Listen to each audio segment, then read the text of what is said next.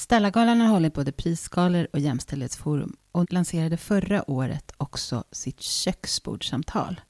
Nu fortsätter vi de samtalen den här gången digitalt tillsammans med Tove Oskarsson Henkel och podden Gastroradio. Men den här gången vill vi också höra på vad någon av de ledande männen i restaurangvärlden har att säga om klimatet i branschen. Vi kommer att diskutera hur man får anställda att våga säga ifrån vid övertramp och kränkningar och hur man skapar en sundare och roligare arbetsmiljö utan gammaldags hierarkier. Syftet med podden är att gå från snack till verkstad. Hur löser vi problemen och förändrar vi branschens dåliga rykte? Hur går vi från det hårda köket, som Fredrik Eriksson kallar det, till en högre värderad arbetsplats? Hur kan vi tillsammans vända utvecklingen och skapa en mer jämställd bransch? Vilka är de viktigaste stegen för att komma vidare?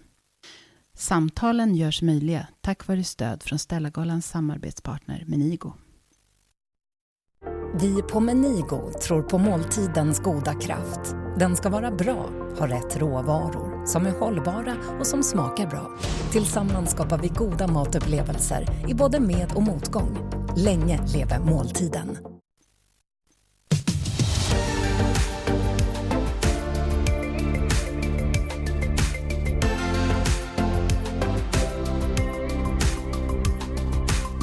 Det här är Stellagalan i Gastroradio. Idag med Anna Lindlevin, kommunikationskonsult med fokus på lokal gastronomi och hållbarhet. Ansvarig för marknadsföring av Svenska bin och grundare av nätverket Pollinera Sverige. En av initiativtagarna till projektet Skånska drycker. Hon arbetar med Stellagalans kommunikation och mediebearbetning och kommer idag att prata med kocken Stefan Eriksson om hållbarhet i arbetslivet. Om arbetsmiljön kan bli lika viktig som råvarorna om folk i allmänhet vet att jämställdhet är en del av de ämnen som tar upp i FNs globala hållbarhetsmål. Hej och vad kul att vi är här, att ni är här. Jag sitter här på fantastiska Clarion Sign och tittar ut över en grå och väldigt vacker novemberdag från en stilig svit. Vi är jättetacksamma att vi får vara här. Jag sitter här med Stefan Eriksson, kock och råvarunörd och hållbarhetsentusiast skulle jag säga. Och med Tove, Tove Oskarsson Henkel som driver Gastroradio och hjälper oss här idag. Mm, jättekul att vara här tycker jag, eller hur? Jag älskar det.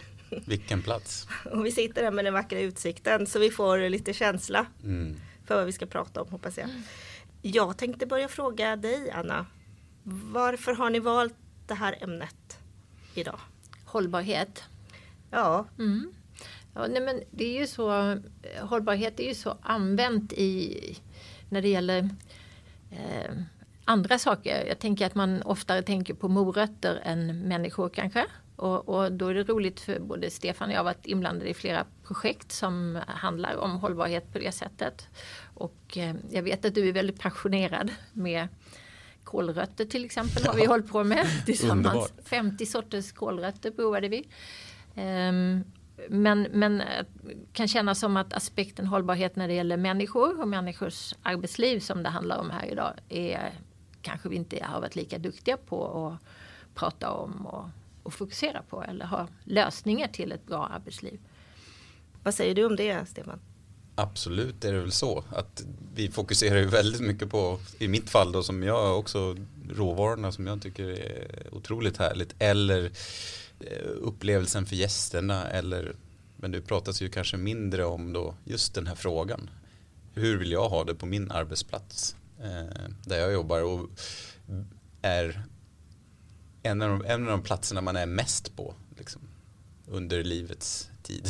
Mm hur vill jag ha det där? Det är jätte Kanske om man ska göra, oavsett vad man gör, om man ska göra läxan så behöver man väl börja där för att sen kunna bli långsiktig i den.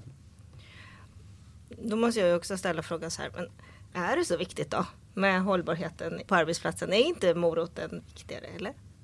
Mm, nej, det är ju inte det trots allt. När vi kommer till till eh, det långsiktiga tänkandet så kommer ju inte morot, moroten spela någon roll om man inte kan utföra det eh, under längre tid eller med människor man tycker om och gör det på ett bra sätt. Då blir det väldigt kortsiktigt att bara tänka morot. Liksom.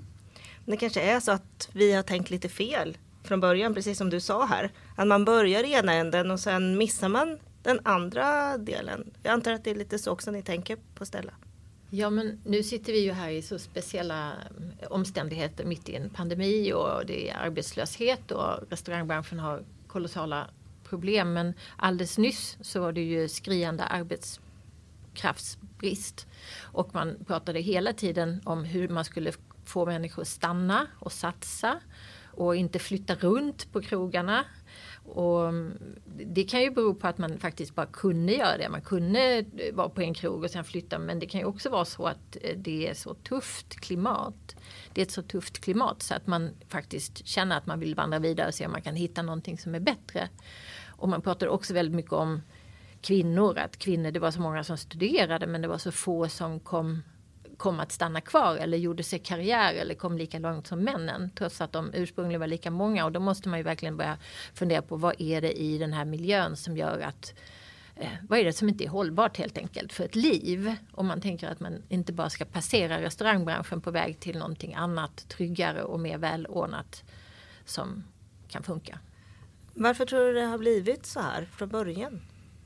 Ja, varför har det blivit så här från början? Ja, jag kan ju bara eh, alltså, utgå från mig själv eh, i en del är ju att varför man inte stannar i branschen. Eh, jag har ju varit på väg att lämna eh, flera gånger. och tänkte, nej, det här med att laga mat, usch, nej, jag är så trött på det nu. Och då började jag jobba hos eh, Johan Sörberg på bageri istället för att jag inte visste vad jag skulle göra. Och sen så fastnade jag för det. Men sen så upptäckte jag att nej, men jag är ju jag är ju kocken då, så var jag tillbaka där. Men onekligen så för mig var ju de här alltså sena kvällarna och, och så alltså, man väljer ju bort ett, en typ av socialt liv med, med, gamla vänner och familj gärna. När det blir mycket kväll och man, man inte är så närvarande. Och sen när jag då själv fick barn så blev det ju ännu tydligare att jag vill ju hellre spendera mer tid med dem. Och då blir det ju svårare att jobba på vissa platser. Liksom.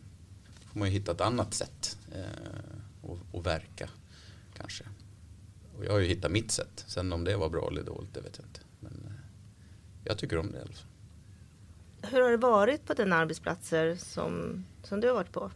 Mm. Känner du att det har funnits eh, bra och dåligt? Och vad kan du ha tagit med dig? Ja, men återigen så det har ju varit väldigt mycket fokus bara på att laga maten. Man, man lagar maten. Sen är det ju inte så mycket annat. Sen har jag drivit eget och under de sista mm, 15 åren ungefär. Och då har jag, lika, när jag har varit chef, har jag fokuserat, det är ju väldigt mycket fokus på maten. Sen har jag, tycker jag ju alltid att det finns liksom ingen motsats till att ha roligt och garva och vara professionell samtidigt. Det, det är ingen motsats. Man behöver inte gör, välja det ena eller det andra. Och där är det ju många som har trott att man kanske behöver välja bort något. Det tycker jag är konstigt. Nej, men jag tänker ju att det kommer, vi, vi pratade lite innan om, eh, liksom funderade lite kring var det ursprungligen kan komma ifrån. Och jag kommer ihåg jag läste en beskrivning om hur Tore Wretman togs emot när han som liten nästan han var väl bara en ja. pojke när han kom in. Hur han blev slagen och hur han blev hunsad och alltså utsatt för de värsta trakasserierna. Mm. Och eh, sen har vi nu nyligen kunnat ta del av nya skräckhistorier från Operakällaren. Och man funderar lite över var kommer det förhållningssättet ifrån? Och då har jag bara funderat lite. Jag har ju själv aldrig jobbat på krogen på det sättet men jag har ju träffat så många som har gjort det. Men eh, att det, det också är så att från början var kock ett, ett lågklassyrke. Det var för arbetarklass och man hade inte något så mycket utbildning. Man behövde ett jobb. Man liksom gick in där och då byggdes det också upp någon sorts eh, sån här hierarki som var stenhård. Som kanske kommer sig ur att man också sen skulle leverera väldigt tjusigt till människor som i sin tur hade mycket mer pengar än de som jobbade i köken. Sen har ju gastronomin har gjort en sån enorm resa framförallt i Sverige här nu de senaste tio åren och folk har kunnat få karriärer och renommé och blivit varumärken. Det är en helt annan sak men det är kanske där det en gång det, och det är mer en fråga från min sida. Var det där det började en gång i tiden med att eh, det här förhållningssättet att man kastar mat på varandra och jävlas på o... o. Men man kan översätta det till vilken annan bransch som helst så skulle man kanske tycka att det var ganska absurt det som händer. i vissa kök. Sen är det ju många kök som det absolut inte sker i idag. Men så, det är min fundering kring det. Ja, och jag vet alltså, som ung elev när jag gick på restaurangskolan så det var ju det stående skämtet att driva med eleverna. Eh, mm. Att vi som var praktikanter då fick, skulle gå och hämta liksom, saker som inte fanns och, och göra eh, fåniga saker och alltså driva med. Eh, och det var ju en kultur som var väldigt eh, det var ju inte roligt att bli utsatt liksom. Jag, jag minns, alltså jag, det är så konstiga grejer som man fick vara med om. Och man såg aldrig ifrån. Du vet, så här, man bara, ah. för att hela styrkan där på det där stället jag var på, de skrattade ju gott åt eh, när man gjorde bort sig. För att man inte visste bättre. Tills jag ändå också så här bara, äh, men alltså koka buljong på vindruvskal och vindruvskärnor. Det hade jag aldrig hört på restaurangskolan. Så, så började jag ju säga ifrån och säga nej. Bara, mm. nej men nu, jag är inte med på det. Liksom. Men det var ju så här 91 och några år där när jag var på sådana lite klassiska ställen med då den äldre generationens kockar. Sen har jag aldrig själv råkat ut för det mer eller varit på direktställen där man har använt det. Men onekligen, det pratades ju aldrig om saker som jag känner att jag tycker är viktiga idag. Pratas det ju inte om. Och det är klart att jag tänker så här om man hoppar lite till, till ens egna, min uppväxt. Saker som man pratar om hemma har man ju lättare med att prata om i senare skeden i livet också. Och något som eh, vi råkade ut för i familjen var att en nära eh, släkting gick bort. Så döden blev så här, pappa pratade jättemycket om det och tyckte att så här, det, här, det här är viktigt att prata om. För att det han såg var att alla hans, många av de närmsta vänner försvann i den här, under den där tiden. För att de vågade inte prata om döden eller de visste inte vad de skulle säga. Så därför så vek man undan. Och den där satte sig ganska hårt. Och så tänker jag så här. För jag har, inga, har aldrig haft direkt problem att prata om död och så här. Det har liksom varit så här, fallit naturligt. Men det var ju rätt många andra saker som vi inte pratade om. Som jag har haft svårt att prata om. Och då tänker jag mig att det här är någonting som jag ser också så här, Vi har ju aldrig pratat om sådana här saker som är uppe på tapeten nu i restaurangköken. Det har ju inte funnits liksom. Eh, och då tänker jag mig att ja, då kanske det inte är så konstigt att man inte pratar om det. Men det handlar väl om ledarskap. Jag eh, fick ju ta, som jag sa, jag har ju inte själv jobbat i krog, krogköken så att jag eh, eh tänkte att jag måste prata med någon som verkligen har gjort det och få lite kloka tankar. Så jag ringde bland annat Maria Prins och hon sa så bra att eh, branschen måste sluta prata så mycket om lönsamhet och börja prata mycket mer om ledarskap på olika plan. Att det, och hon beskriver något som jag tror du sa att du kände igen dig lite i att eh, när man krogfolk träffas så pratar man ju inte precis om ledarskap och värdegrund utan det, det blir mer mat såklart. Mat och råvaror och senaste häftiga krogen som har öppnat. Och liksom, det är det som är samtalet och där kanske man måste göra ett skifte på olika sätt. Mm. Jag tänker lite som du sa Stefan att eh, ja men eh, sen ville jag leva ett annat liv och då bytte jag väg.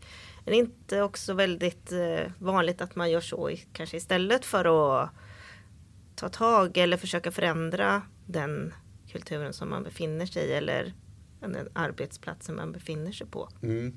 Och jag var ju alldeles för ung då för att fatta, alltså jag förstod ju inte, jag var ju helt jättegrön. Så att jag mina tankar fanns inte där. Liksom. Det, var ingen heller som visade mig.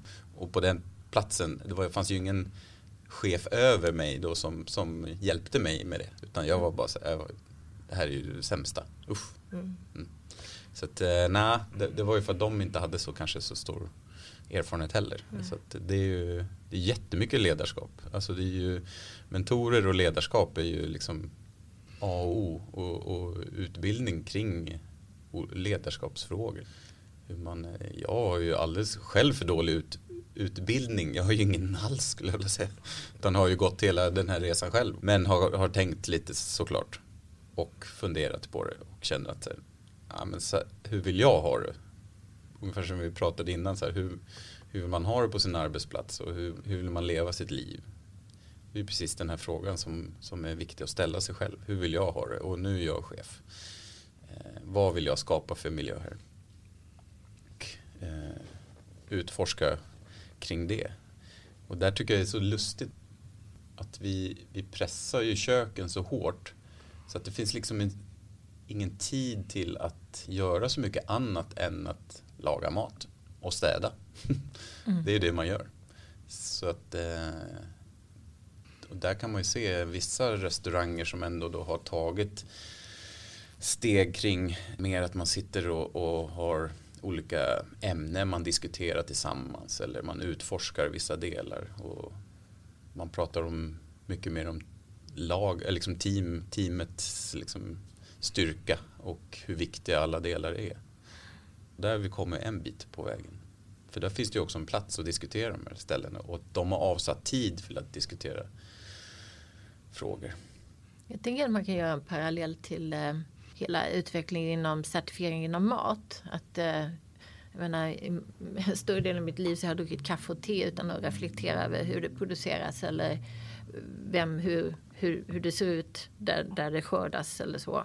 Och idag är det en självklarhet för mig att jag går och köper Fairtrade och eko och så många mm. olika så här godhetsstämplar jag kan hitta för att jag har sett filmer om hur fruktansvärt människorna har det och jag tycker de ja, de kronorna kan jag betala för att slippa tänka på det när jag dricker mitt kaffe. Och jag tänker att det är samma sak här att om man eh, också som, för man kan fråga sig vad betyder hållbarhets, eh, att det ska bli hållbarare i restaurangbranschen för folk som jobbar där, vad betyder det för mig som kund så småningom kanske det tänker nog att det här Operakällaren eh, debaclet här nu, att den skandalen gör att det finns ett litet lätt obehag eh, kanske hos eh, kunderna också, hos eh, gästerna att, att vara del av en sån sak. Något som jag tänker att man kanske var ganska obekymrad om förr i tiden. Man tyckte att eh, krogen var ett ställe dit man skulle gå och slå sig fri och göra saker som man kanske inte gjorde i vanliga fall och gärna ihop med alkohol. Men det håller ju också på att ändras. Så att det, jag tänker att den här hållbarhetsvisionen för mig som gäst är att det ska vara skönt att tänka att här har folk det bra. Mm. Och kolla den här kocken han har varit här i tio år. Och det måste betyda att han, och han har fått barn. Och det har gått liksom, att man kan känna en sorts eh, sympati och, och, generositet mot de som jobbar också. Inte att man ska pressa ur dem jobb till minsta möjliga pris på hårdast möjliga sätt. Nej men det tycker jag låter ju väldigt bra. Det är som vi pratar om mycket idag med restaurangupplevelser som har blivit mer än, än bara det som ligger på tallriken. Jag tycker vi har pratat mer och mer om det och, och även gäster har blivit mer eh, eh, medvetna om det. Vad känner du Stefan? Tycker du att det är en bra idé? Ja, det är en bra idé. Eh, Med certifiering där tror jag. Ja, men jag vet inte hur man skulle göra det. Det kan man ju alltid eh, hitta på någonting. Men det jag känner med det är att man skulle vilja, just nu när vi har den här frågan som har dykt upp då igen. Hur är det egentligen på restauranger och, och eh, hur ser det ut på alla olika restauranger? För att man får liksom ingen inblick. Jag skulle vilja se att restaurangerna kommunicerar här, berättar, så här jobbar vi kring den, de här, eh, kring dis, diskrim, diskrimineringsfrågor. Eh, kring eh, eh, eventuella sexuella trakasserier. Som, liksom alla de här kanske svåra frågorna och jobbiga frågorna som många inte väljer att ta i eller prata om ens. För att de är det.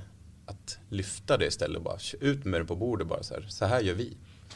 Det skulle ge förtroende och i alla fall visa på att man tar det på allvar och att man gör någonting. Eh, men sen är det ju alltid så här, det är ju rätt många i olika sammanhang där man ser det är dokumentationer och det är fina ord och lalala utsvävningar. Men sen är det ju det att göra det också. Att varje dag prata om det och att se till att våga ha en plats där man kan ha ett öppet eh, liksom snack kring de här att man ska våga också säga till ifall det är något fel som anställd eller att man som chef tar de här sakerna på allvar och det sätter ju stämpeln för jag har ändå jobbat på några ställen där det har varit där, cheferna inte har sagt ifrån och det är klart att det då bara det är ju precis men fan, det är ju som barn på dagis släpper de fria då blir det jävla tjofaderittan oavsett vad det är har man ingen som styr hårt oavsett vad det är för fråga. så blir det ju inte riktigt, eh, då kan det bli lite fladdrigt. Jag menade nog inte heller certifiering, så jag, jag menade mest att den, det, den förändring man har nått där kan vara en förebild som man har nått på råvarusidan för själva restaurangbranschen. Jag tror kanske inte heller att det är det som är utan mer om man sätter igång samtalet och jag menar det är ju ändå en bransch där folk pratar jättemycket med varandra och mm. byter arbetsplatser och folk är ihop på olika ställen. Så jag tänker att det skulle nog kunna sprida sig väldigt fort. Att det handlar ju som vanligt då om, om förebilder. Om, jag menar det är ju redan på gång. Det finns ju flera stycken som jobbar så. Fredrik har ju sin kod och, och liksom har ju, har ju startat ett sätt att jobba med det där. Och jag tror att, verkligen att man behöver börja lägga in eh, det här i eh, hela utbildningen. Alltså eftersom det handlar, men det handlar jättemycket om att leda och eh, arbeta i team så måste ju den aspekten kanske komma in redan i skolorna. Såklart, alltså som ett ämne. Värdegrund, ledarskap, teambuilding. Och ehm, och sen är det en annan sak som Maria sa, Maria Prins, som eh, hon, hon, bara slog fast det så otroligt tydligt och det var att det behövs ju fler kvinnor, inte bara kvinnor liksom lite här och där utan ägare, investerare och krögare som själva kan påverka. Inte därmed sagt att kvinnor alltid gör mycket sak, allting bättre. Men det är ju den här förebilds... Jag tycker man kan mm. se de senaste tio åren i alla fall att det redan har hänt så mycket bra. Och det är ju för att vi har ett gäng kvinnor nu som har nått positioner och som jag föreställer mig att om man går på gymnasiet och är tjej så kan man titta på Titti och Frida och Frida och, ja, och bara tänka att det, finns de så kan jag. Ja. Och det har jag egen erfarenhet av när jag hamnade i reklambranschen på 80 90-talet så fanns det ingen, den byrån jag var på, vi var 100 anställda, det fanns inte en enda kvinna som var AD-copy eller projektledare. Alla var i mm. servicefunktioner. Det var väldigt svårt att tänka sig in i hur jag skulle kunna bli AD där. Mm. Så kom jag till en byrå tio år senare där jag hade en kvinnlig chef som jag kunde identifiera mig med och det var så här pang. Alltså det är otroligt mm. vad det löser ut kraft. Då kan man väl tänka så att just nu då så har ju de Eh, personer du nämnde, lite adepter som är på gång. Och när de, vet, det, det, det går ju inte kanske jättefort men det, alltså det är ju det man ser. Eh, när, eh, när en bra köksmästare får eh, sina eh, souschefer och kockar som senare går vidare och blir nya förebilder så kommer det här bli en ganska stark utveckling. Det är mm. jättebra. Och sen är det ju viktigt att de kvinnorna som når de här ledande positionerna inte anammar det här förhållningssättet, liksom, om vi nu går tillbaka till hållbarheten, utan har ork då att driva det här med hållbart, ett hållbart liv och stå för det. Mm. Man kanske har en annan affärsidé, man kanske inte bara vill ha en hållbar restaurang, mm. man kanske vill ja, ha andra tankar också. Men jag mm. tänker mig, det måste ju vara en, menar, att ha en arbetsplats som, man, som har som rykte om sig och vara här är det bra att jobba. Det måste väl vara målet.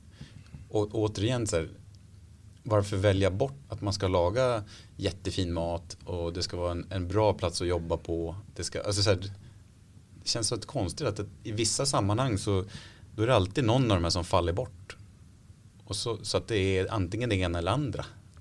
Det är egentligen helt förbluffande att många av de här ställena som, som man har hört har väldigt hårda arbetsmiljöer och nästan fascistiska metoder i köken. Där, där har man gentemot kunden en, en sån superservice. Alltså där, där blir man behandlad som en...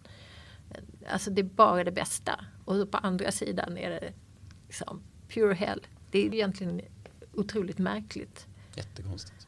Att det ens går att genomföra. Men det gör det ju också bara på toppställena. För det är väl bara på de ställena som man är motiverad att ta så mycket skit för att få vara kvar, gissar jag. Ja, där har jag varit jag har ju i mina yngre år var på massa ställen för att man ville lära sig just bara. Jag jobbar gratis här ett par månader för att få kunskap. Mm. Eh, för den går inte att få tag på något annat sätt. I alla fall då gick det inte. Nu finns det ju lite mer kanaler att titta på och välja mellan. Men eh, samtidigt, alltså, jag upplevde aldrig att jag fick något skit. Liksom. Det, det är också lite märkligt. ja, men så här, när jag tänker efter nu, jag känner ju att jag men det kanske var det, det här måste jag fundera över. Det har jag inte riktigt reflekterat över. Men du kanske ändå, det låter taskigt att säga så, men du kanske ändå var normen. Alltså tillräckligt mycket för att inte hamna i, mm. i kläm.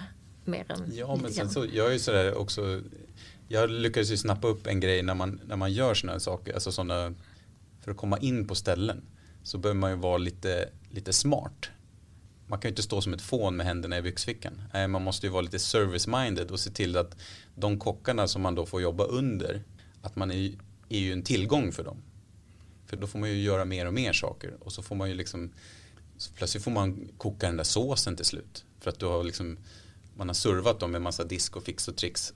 Och så då öppnar ju de upp sig och då säger de att fan den här killen hjälper mig.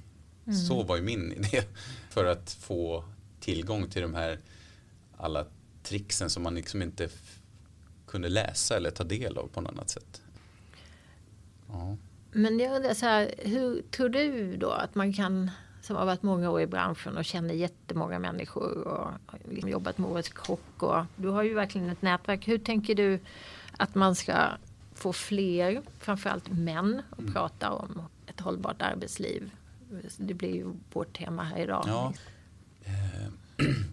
Ja, men jag själv har ju, eftersom jag, jag, jag sitter här, jag, tyck, jag vill prata om det, jag tycker frågan är superviktig.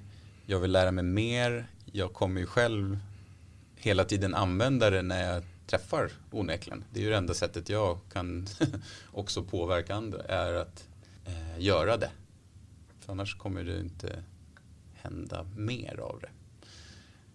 Ja, och det är ju det ansvar jag kan ta som, eh, som förebild för andra och visa vägen. För det är ju alltid det. Jag pratar ju svin mycket kring morötterna. Moroten får lite åka här. Men jag kanske behöver prata också så här, inte utesluta eh, hållbarheten eh, kring arbetsplatsen och hur man har det. Och moroten. Mm. Mm. Det, är ju en, det är ju min väg. Tror du att eh, de här diskussionerna som har funnits nu de senaste veckorna, har de förändrat din inställning eller på något sätt eh, givit dig lite en uppenbarelse kanske? Absolut. Det, och det är ju såklart. Det, är ju, det går ju inte att förneka att det inte har varit så och jag hoppas att rätt många tycker så. Sen så kanske man skulle önska att man såg fler som faktiskt också visade det. Återigen, de är ju rätt många där ute som är förebilder för så många och att man skulle se fler som visar var de står och vad de tycker och vad de gör med sina företag. Nu har jag inget ingen restaurang eller en verksamhet tyvärr just nu. Så jag kan inte liksom utöva den där. Men på mina föreläsningar och på restaurangakademins kökschefsutbildning där jag är. Det första jag pratar om. Liksom. Och det lustiga där, där ser man ju år ut år in. Så det de efterfrågar där, kockarna eller då köksmästaren som, som går den här utbildningen. Det är ju ledarskap, eh, ledarskapsfrågor och ekonomifrågor. Det är de två som så här, det är de enda som kommer varje år. Så att eh, det säger ju rätt tydligt och eh, att det finns ju en brist på den här varan i vår, vår bransch. Så att man kanske skulle ösa på lite på de här på det, på det spåret ganska hårt och trycka på det utav helsike. Och kanske göra det möjligt att man kan hitta några alternativ till någonting som inte som är lite enklare att sätta sig i som, som, eh, och få mer utbildning kring det. Jag vet inte, jag bara kände att det är ett spår som skulle vara bra. Mm. Jag tänker ju att eh, jag är jätte, eh, det tror jag alla Eh, vi som jobbar med det här jämställdhetsgrejen är att vi är så himla glada att eh, det nu är en grupp män som du som har trätt fram och med anledning av eh, Operakällan kanske i första hand. Men också, ja, det blev en sorts utlösande faktor och jag kände så här, åh, nu äntligen, nu är det inte bara kvinnor. För det här handlar ju såklart inte om kvinnor utan det handlar ju om människor. Och det som är bra för kvinnor är ju bra för alla människor som jobbar. Alltså det handlar ju om alla människors, men nu är det ju kvinnor som har varit extra utsatta. Ja. Eh, det tänker jag att det kommer ju ändra på sig. Vi har ju sagt att vi ska inte ha Stellargalan när det inte finns någon case längre och förhoppningsvis så avvecklar vi oss på det sättet. Mm. Kanske dröjer ett litet tag men, mm. men, men eh, liksom det är tanken och då handlar det ju om Alltså jag har ju en son som är kock och en bror som är kock. Alltså de är ju män, jag bryr mig ju om dem. Eh, alla ska ha det bra. Så. Och, och, jag tänker just att jag tror väldigt mycket på det du säger att nu börjar någonting nytt. Någonting man kan, eh, ni går, ni går före där. Eh, vi började bullra, ni kommer in och tillsammans kan man göra någonting väldigt starkt. Om man fortsätter, inte släpper det här nu när media har tappat bort den senaste skandalen utan faktiskt tror att det är viktigt. Mm. Är det någonting ni skulle vilja säga till de som lyssnar innan vi stänger av för den här gången? Ja, men Hjälp oss fortsätta det här arbetet så att det inte faller undan i, när, när media har slutat intressera sig för det utan att vi tillsammans använder alla goda krafter för de är verkligen många. Det finns lika mycket av det bra som av det dåliga. Ja, minst. verkligen. Och jag tror att det finns ruggigt många där ute som inte, som inte riktigt vet hur de ska agera. Som inte riktigt vet hur de ska, liksom, hur ska de ta på det här. Så jag tror att få med dem också. För det, den absolut stora massan är ju verkligen för det här. Mm. Alltså, så det är ju, jag tror inte sitter folk som bara, nej, det här, här, nej det här verkar dumt, tycker jag.